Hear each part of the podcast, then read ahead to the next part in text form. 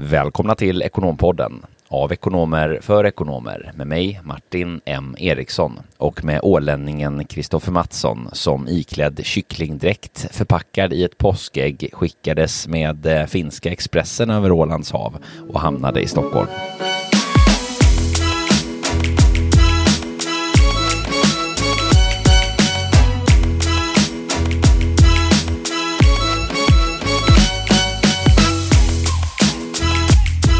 God eftermiddag säger vi från poddstudion. Eh, Och god morgon när ni lyssnar på detta.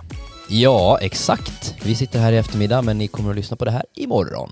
Det stämmer. Och snart kommer påskharen, eller hur? Ja, du har ju redan en eh, gul kycklingdräkt på dig. Ja, visst. Visst är den fin? Den är jättesnygg. Du sitter här och absolut bara glänser i den. Brukar du få någon påskägg av eh, dina föräldrar eller någon annan nära och kär? Ja, men det har ju kommit lite grann skulle jag säga. Ehm, från lite år till annat. Ibland har man fått ett litet påskägg.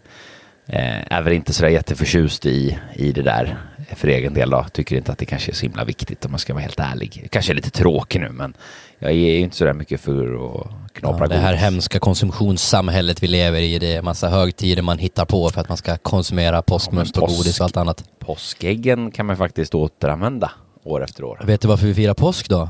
Berätta. Det är någon som återuppstod va? Ja, tänk att det är det. och hängde på korset och eh, ja, jag har koll på min religion. Var det du som återuppstod? Ja. vad, har du några planer i påsk eller vad ska du göra? Jag ska ner nu eh, västerut och eh, embracea lite vårsäsongen på västkusten. Eh, tänkte väl eh, smälla upp lite grillning, inviga lite eh, härliga solnedgångar med eh, riktigt god matlagning och kanske knäcka en öl eller två. Fantastiskt. Sen ska jag faktiskt tillbaks till Åre en sväng igen. Ja, ja, ja. Det är ju, det är ju liksom... Det är Du ju får aldrig nog. Nej, jag får inte nog. Det ju, blir ju ett antal resor jag har gjort dit nu i år. Jag var ju där förra veckan och åker eh, här nu veckan efter påsk igen över helgen. Ja, på tal om eh, påsk och eh, vad heter det, smarriga saker. Eh, har du ätit memma någon gång? Nej. Vet du vad memma är för någonting? Nej, det låter med mitt. Ja, det är en eh, finsk delikatess faktiskt. Ser lite ut som, ursäkta mig, men, men avföring, så det ser inte alls gott ut. Men så äter man det med grädde och eh, socker och det heter memmi på finska. Memmi. Ja, det är en traditionell finsk påskdessert eh, och det är någon form av rågmjölspudding. Visst låter det smarrigt? Kan man äta den ute på restaurang i Stockholm? Eh, ja, det vet tusan om du kan. Eventuellt. Det finns eh, dock i vissa väl sorterade eh, mataffärer så kan du nog få tag på, på memma. För övrigt så kom jag på ett väldigt bra namn på en finsk restaurang om man skulle starta en finsk restaurang i Sverige. Vet du vad jag skulle döpa den till då? Ja, låt höra. Finska Vinterviken. Ja, så där. Den är inte så tokig. Nej, för all del.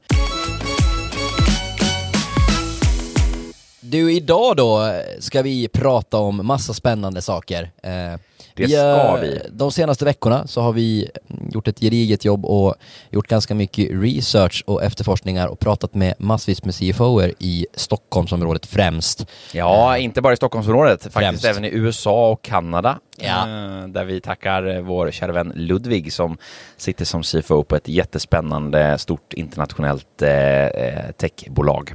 Verkligen, och nej, men kontentan i alla fall att vi har försökt höra oss för då eh, vad de kanske största utmaningarna kan vara, kommer att vara, spås vara under det kommande året egentligen. Precis, vi har ställt frågan till CFOer där ute. Vilka utmaningar står du som CFO inför, inför under 2022? Ja, jätte, jätteintressant. Och eh, sammanfattningsvis har vi eh, summerat de här på egentligen fyra stycken huvudområden eh, som eh, benämns eh, automatisering och digitalisering, arbetssituation och arbetsmarknad, ränta och inflation och sist men inte minst hållbarhet. Definitivt, och vi tänkte att vi skulle gå in och ta lite, ja men det viktigaste som vi har tagit med oss och diskutera lite tips och tricks och, och, tankar som man kan ta med sig då kopplat till varje, eh, varje de här ämnena. Verkligen. Eh, flera av de här eh, insikterna som kommer nu från de här CFO-erna som vi har pratat med eh, är dels eh, märker vi att de till stor del linjerar med varandra, eh, även om det kanske är lite olika nyanser åt olika håll beroende på eh, bransch och liknande. Men vi märker också att många är ju styrda av tiden vi är i just nu och framförallt kanske lite då kopplat till den här punkten med ränta och inflation så är det ju sådant som har analkats väldigt hastigt in på här. Eh, det kanske har spåtts att det kommer att ske, men nu sitter vi ju i situationen där det faktiskt sker. Verkligen, och någonting som vi har sett på hela arbetsmarknaden egentligen, att från att ha överlevt, inte jag säga, men genomgått en pandemi där det kanske varit mycket fokus på day to day och få liksom det operativa att fungera. Se till att man har en lönsamhet, kan behålla sin personal eh, och, och, titta framåt. Kanske då det mest, det mest viktigaste, väsentligaste, så kanske man mer börjar titta strategiskt och även då lägger fokus på kanske saker som hållbarhet som kanske hamnat lite i skymundan under det gångna, de gångna åren. Mm, verkligen. Och en annan eh, sån där eh, lite post-covid-trend eh, eh som vi märker, vi har ju pratat om det egentligen, vi pratade om det, jag har ju sagt det flera gånger under, under den här gångna pandemin, så sa ju vi det att om inte den här pandemin får den här realekonomiska eh, eh, påverkan på en recession som man kanske var rädd för, så kommer ju det vara extremt eftersatt mycket. Och det märker vi ju idag när vi pratar med eh, finanschefer, CFOer, ekonomichefer, controllerchefer och ledare egentligen i eh, ekonomi och finansfunktioner i eh, många bolag så finns det ett skriande behov av att få hjälp med att hantera alla de här utmaningarna och frågeställningarna där man skär över flera olika egentligen områden på samma gång. Alltifrån då rena tekniska automatiserings, eh, digitaliseringsresor kopplat till arbetssituationen, hur man leder i den här postcovid rörelsen som ju är med att vara på distans och vilka förändringar det får och eh, modellering av nya roller som inte ens finns idag, morgondagens ekonom, IT-ekonom och så vidare. Så att det är ju ett jättespännande landskap vi befinner oss i och det som jag brukar säga, i förändringarnas landskap finns alla förutsättningar och möjligheter att skapa nya fantastiska saker. Grymt! Eh, hur skapar man egentligen en modern ekonomiavdelning? Eh, är säkert många som har ställt sig frågan och det här var ju eh, en gemensam nämnare hos många av dem vi har pratat om, automatisering och digitalisering och det är någonting som präglar allt egentligen vi gör till, till vardags och inte minst eh, ja, CFOers eh, agenda och, och, hur, man, eh, hur man ska bedriva den framåt. Och vi har faktiskt tittat på en, en studie också av McKinsey Global Institute och eh, då hävdar man där i den studien, eller man har kommit fram till enligt undersökning att 42 procent av ekonomiavdelningens processer kan automatiseras. Mm, det är en ganska stor del. Det är väldigt häftigt när man, när man faktiskt tänker på det. I dagligdags mening alltså, då pratar vi ju inte om, om utifrån hur det var för tio år sedan, utan då pratar vi om hur det ser ut idag. Exakt, verkligen. Eh, vad säger eh, finanscheferna där ute då, Martin? Mm. Eh, där säger hela 57 procent, eh, enligt också en eh, nyligen gjord undersökning av eh, Workday, eh, som ställde frågan till över 260 eh, CFO och finanschefer runt om i hela världen. Eh, så säger de, eh, hela 57 procent av de här, att eh, de eftersöker kunskaper inom artificiell intelligens, AI och maskininlärning hos nyanställda. Så att över 50 procent av alla eh, nyrekryteringar som planeras eh, är då inom det här området.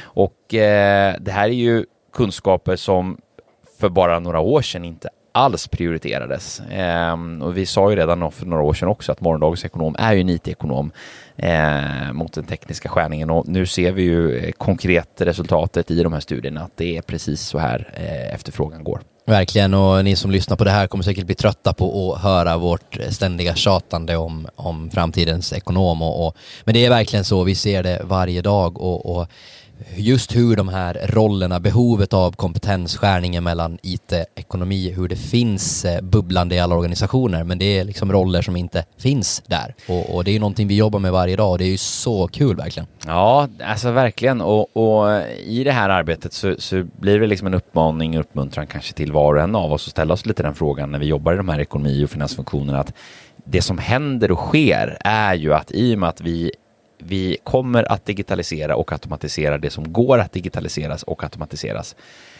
Det betyder att innehållet i våra roller förändras. Eh, mycket av det jobbet vi kanske gör idag plockas bort till förmån för annat som kommer att tillföras och det kommer att förändra strukturen och innehållet i, våra, i, våra, i vår vardag egentligen, våra arbetsuppgifter. Och för att då framtidssäkra sin kompetens så blir ju en väldigt viktig frågeställning att ställa sig, men vad är det faktiskt jag gillar och trivs med idag och vad är det jag inte tycker om och inte trivs med? Därför att rollernas utformning kommer att ändras och man kommer att och, och, och, och se det tydligt och eh, eh, vara lite ajour på den frågan själv som, som enskild ekonom och, och följa lite de trendutvecklingarna som finns. Ja, jag är helt, helt med dig. Och lite tips då vad man kan tänka på för att lyckas med det här.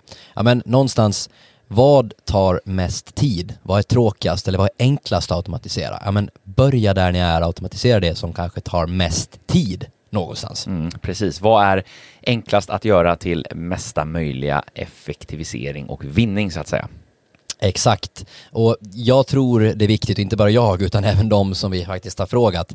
Jag tror det handlar mycket om att inkludera också de anställda i organisationen i hela det här förändringsarbetet, en tydlig agenda, alltså förankra det med dem som faktiskt ska vara delaktiga i det. Hitta värdet och låt dem förstå värdet och ha rätt förväntningar. Och låt det ta den tid det tar, alltså avsätt gott om tid för detta Också för det är väldigt svårt, en process som tar tid och det är obekant mark för, för kanske för dig och även för många andra runt omkring dig. Mm, verkligen. Nej, men en tydlig målbild och vision också om vart man önskar komma med det här, att man jobbar igenom den lite, en, en vision board på vad vill vi att den här funktionen, vår funktion ska stå? Vad har vi för målbilder? Ehm, och eh, varför, varför har vi dem? Och att just som du är inne på inkludera blir ju jätteviktigt för att det här är ju beteendeförändringar vi ska åstadkomma hos människor. Och eh, det är inte alltid det enklaste. Och det behöver ju då finnas en inneboende kraft och önskan och, och, och, och att det finns liksom en, en, ett tryck inifrån organisationen att vara med i den här resan.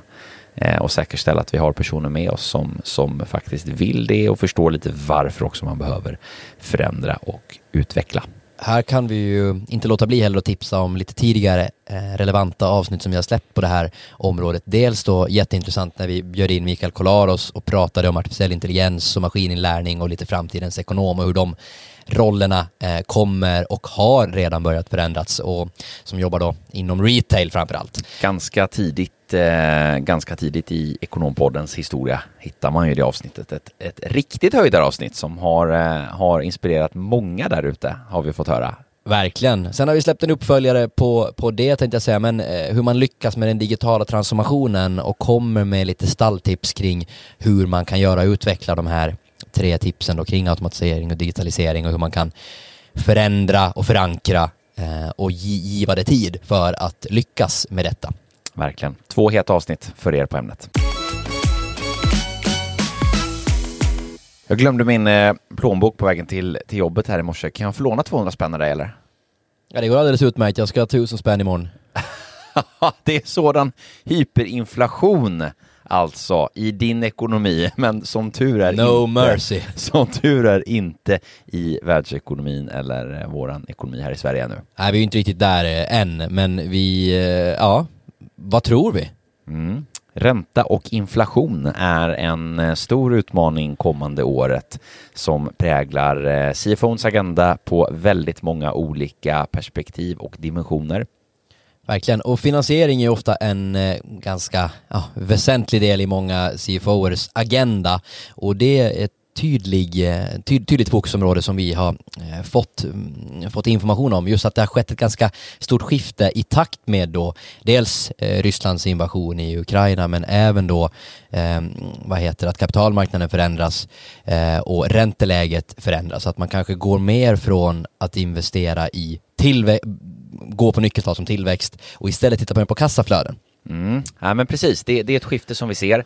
Eh, inflationen har ju stuckit nu senaste året här. Nu ligger vi ju på siffror på eh, ungefär 5% här i årstakt Eh, i Sverige och eh, det ser vi också tydligare i matbutikerna. Bara priset på eh, ett paket kaffe har ju stuckit helt orimligt mycket. Så det märks ju om och har ju diskuterats också. Och vad får då det här för, för följder och effekter på, på CFO-agendan och vilka implikationer ger det i bolagens verksamheter och vilka risker innebär det här och vad behöver man tänka på att hantera? Det ska vi fokusera en, en liten stund på. Och ja, vi kan ju börja där med eh, just eh, inflationsförändringen och den stigande inflationen eh, och då rädslan för, för kommande räntehöjningar och kostnad för att låna upp kapital och högre löner. Vi sitter ju just nu i ett, i ett ganska osäkert inflationsläge. Det gör ju att, att personalkostnaderna kan öka i ganska betydande omfattning. Tittar vi lite grann runt om i världen, vi fick spaningar från eh, Kanada och USA. I Kanada så har lönerna ökat med bara eh, någonstans 3 till 7 procent bara senaste året. Detsamma gäller i USA. Och eh, i Sverige har vi ju, i och med att vi har inflation, kostnadsökningar, så är det ju övertygande som så kan jag tänka mig att eh, facken även kommer se till att lönerna eh, går efter inflationen. Eh, så det här är någonting som man definitivt behöver börja kalkylera och räkna med. Att det är eh, lite bestående trender vi ser här nu med, eh, med ökade kostnader och man behöver ju helt enkelt för att bibehålla sina marginaler öka priserna och, och justera allting därefter också. Verkligen och, och även då om man tittar eh, liksom bortser från lönerna och även tar Eh, hur ska man indexera sina avtal med leverantörer, med eh, kunder etc. Just för att, ja, men, vad, vad tar vi höjd för? Det blir ju en väldigt osäker och komplicerad prognos att göra. Mm, det blir ju det. Eh, här är det intressant beroende på vad bolag har för så att säga typ av verksamhet och prissättningsmodeller och liknande så kan det finnas en del utmaningar i, i vissa avtalsstrukturer och annat att, eh, att hur som helst omförhandla och prissätta. Så att det här blir ju definitivt en, en följdpåverkan som man behöver, eh, behöver ta höjd för. Och det är ju svårt också i och med att vi inte riktigt vet. När vi sitter och ska ta beslut och göra prognoser och annat så är det ju, eh, är det ju eh, svårt när man inte har alla, alla de här delarna. Eh, och då kommer vi lite också in på det här med beroende på kanske vad det är för typ av verksamhet och vad var riskerna ligger någonstans. Tittar vi lite grann på, på CFO-agendan så blir det ju naturligt att beroende på eh, verksamhet och beroende på tid så kommer ju den specifika huvudfokus och utmaningen kanske vara lite olika. Eh, tittar vi på ett bolag som, som är då eh, väldigt eh, i behov av att finansiera sin verksamhet med, med en ganska omfattande balansräkning så blir det ju såklart att, att alla finansieringsfrågor blir kanske den viktigaste prioriteringen, frågor som rör likviditet, upplåningskostnader och annat. Pratar vi om ett bolag som, som har en, eh, ett väldigt fokus på på, på lönsamhet kopplat till försäljning och försäljningsprocesser och hur marknadsläget ser ut för att sälja produkterna så blir det naturligt att, att kanske säljchefen eh, blir CFOns bästa vän i en sån här tid och kan understödja med väldigt underbyggda och starka eh, prognoser och analyser eh, för att då ge ett, ett relevant underlag och kalkylunderlag och liknande. Och tittar vi på bolag inom, inom eh, produktsegmentet så kan det ju till exempel handla mycket om inköp och eh, leverantörsledet och, och jobbar då operationellt med inköpsavdelning och eh, COO och liknande för att säkerställa eh, inleveranser och lagersaldon och, och annat sådant som, som ju man har ett helt leverantörsled som kan påverkas av alla de här förändringarna som vi ser. Så att beroende på bransch så blir ju då riskerna olika och det blir till att göra den här riskanalysen. Verkligen och lite som vi var inne på tidigare här med att prata unga bolag till exempel, tillväxtbolag, techbolag som ju tidigare har haft det ganska framgångsrikt med sin finansiering just för att man har ett bra case, man har ett bra tillväxtcase framför sig. Men hur är det egentligen med kassaflöde? Jag tror att det kommer bli eh, väldigt utmanande eh, framöver. Mm. Underfinansierade startups är ju ett vedertaget uttryck. Ja, precis. Ack spännande dock. Dock ack spännande. Nej men så är det. det, det ritar om landskapet. Alltså kapital har ju inte kostat någonting de senaste åren i och med ränteläget. Det har ju varit så extremt, eh, extremt eh, enkelt att få tag på pengar eh, för, för många bolag och det har inte kostat någonting att, att låna upp. Eh, men, men nu ser vi hur det tydligt eh, snabbt eh, svängs om och ger förändrade förutsättningar minst sagt.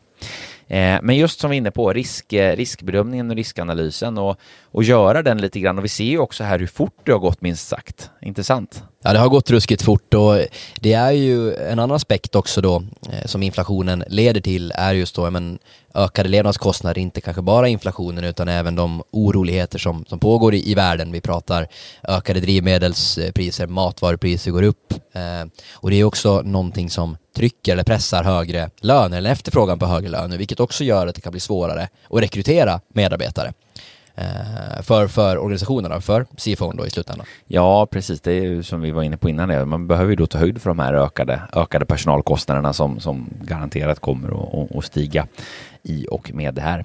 Så frågan är väl eh, vad vi tror om bostadsmarknaden och fritidsfastigheterna. Det har ju varit ett jäkla tryck på många orter här nu. Eh, nu kanske det kommer en säljvåg, kanske köpläge snart. Ja, när sprängs det här luftslottet? Ja, bra fråga. Den som har spåkulan vet svaret.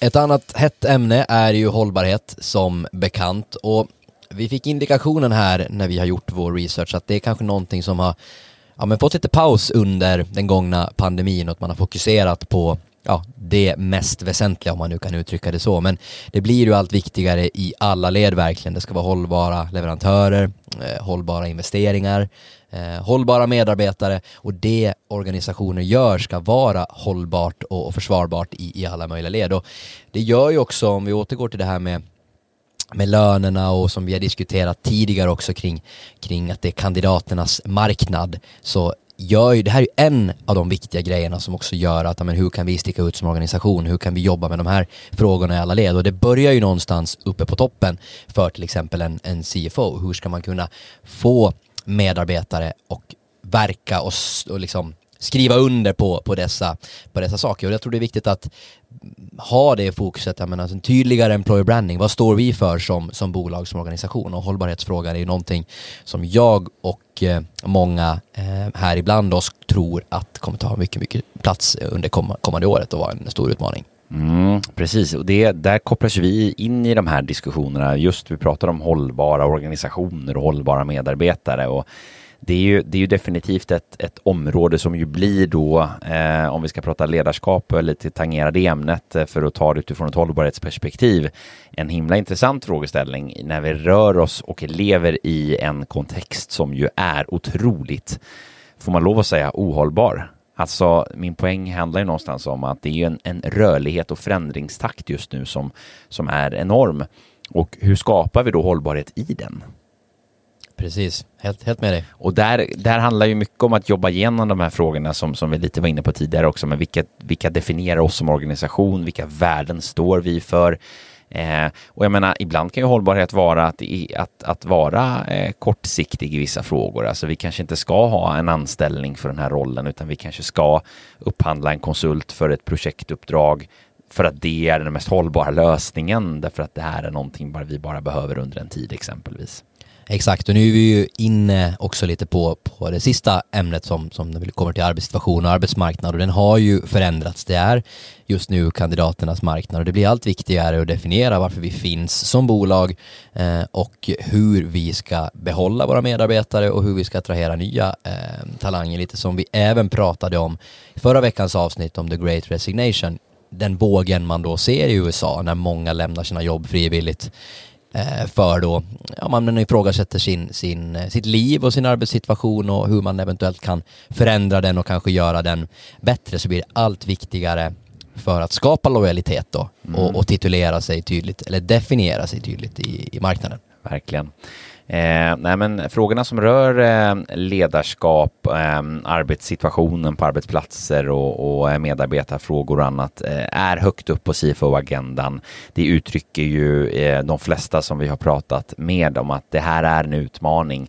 Att någonstans nu anpassa day-to-day operations verksamhet till det här nu då nya normala eh, som inkluderar då eh, distansarbete, att led, jobba med ledarskap på distans och, och eh, bygga lojalitet och bygga förtroende och tillit och arbetsgrupper som fungerar. Och det här för ju med sig ett antal olika utmaningar och risker också. Vi tar då ett exempel på, på risker eh, inom det här området som en av CFO-erna tog upp.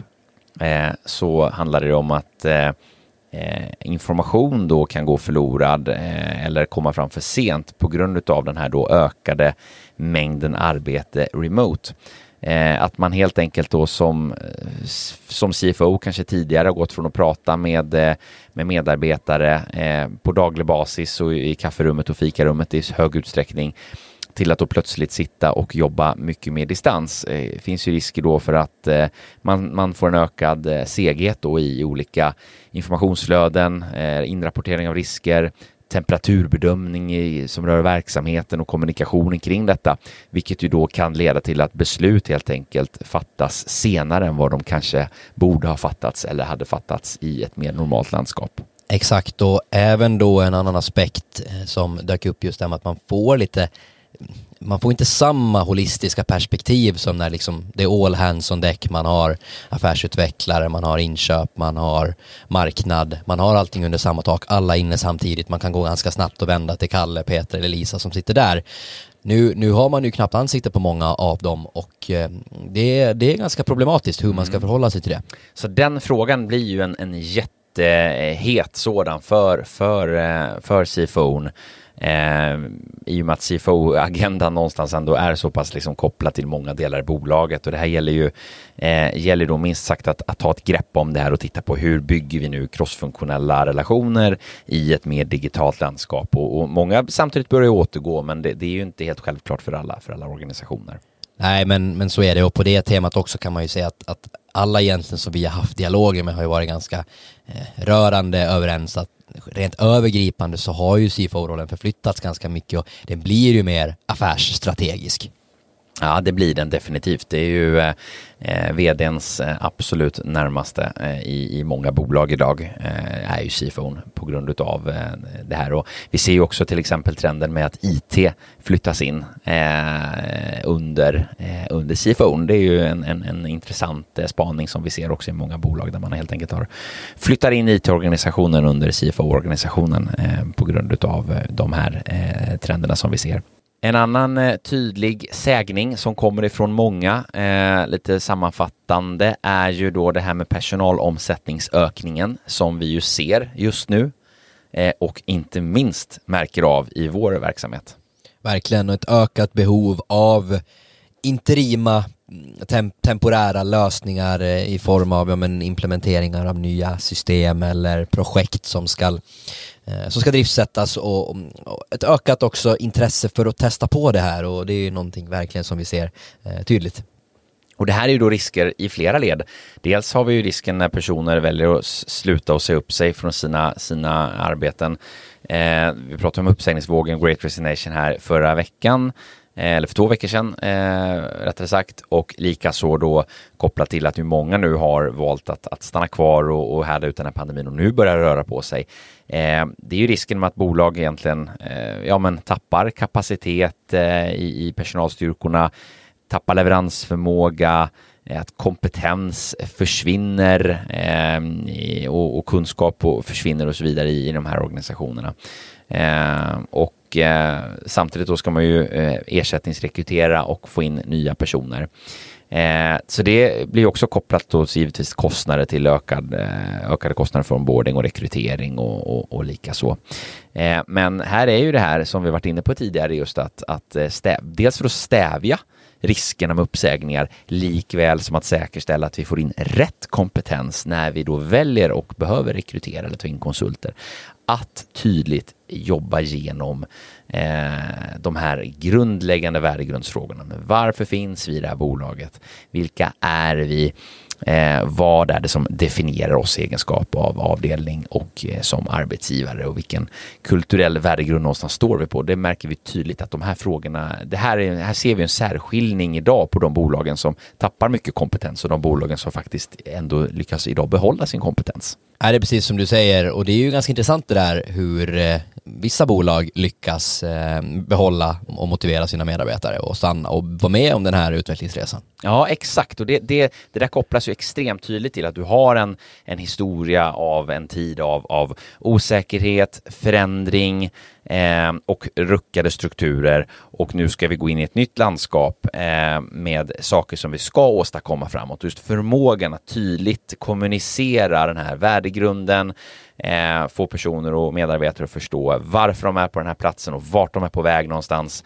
Eh, det är ju ledarens eh, verkligen eh, Eh, stora nycklar för att, att lyckas stävja mycket av de här riskerna som finns idag. Och, och det ser vi extremt tydligt. Vissa bolag som gör väldigt, väldigt bra eh, och vissa bolag som har väldigt stora utmaningar med. Så att eh, eh minst sagt, vi har pratat om, om CFOns utmaningar här under 2022. Vi kan också se tydligt eh, hur vikten av att ha ett starkt och bra ledarskap blir avgörande för att faktiskt eh, klara sig igenom de här spännande tiderna. Och med det sagt så vill vi också rikta ett stort tack till, till ja, men alla som har varit med och, och, inspirerat oss till det här avsnittet och vi kommer nog ha flera uppföljare på, på samma tema.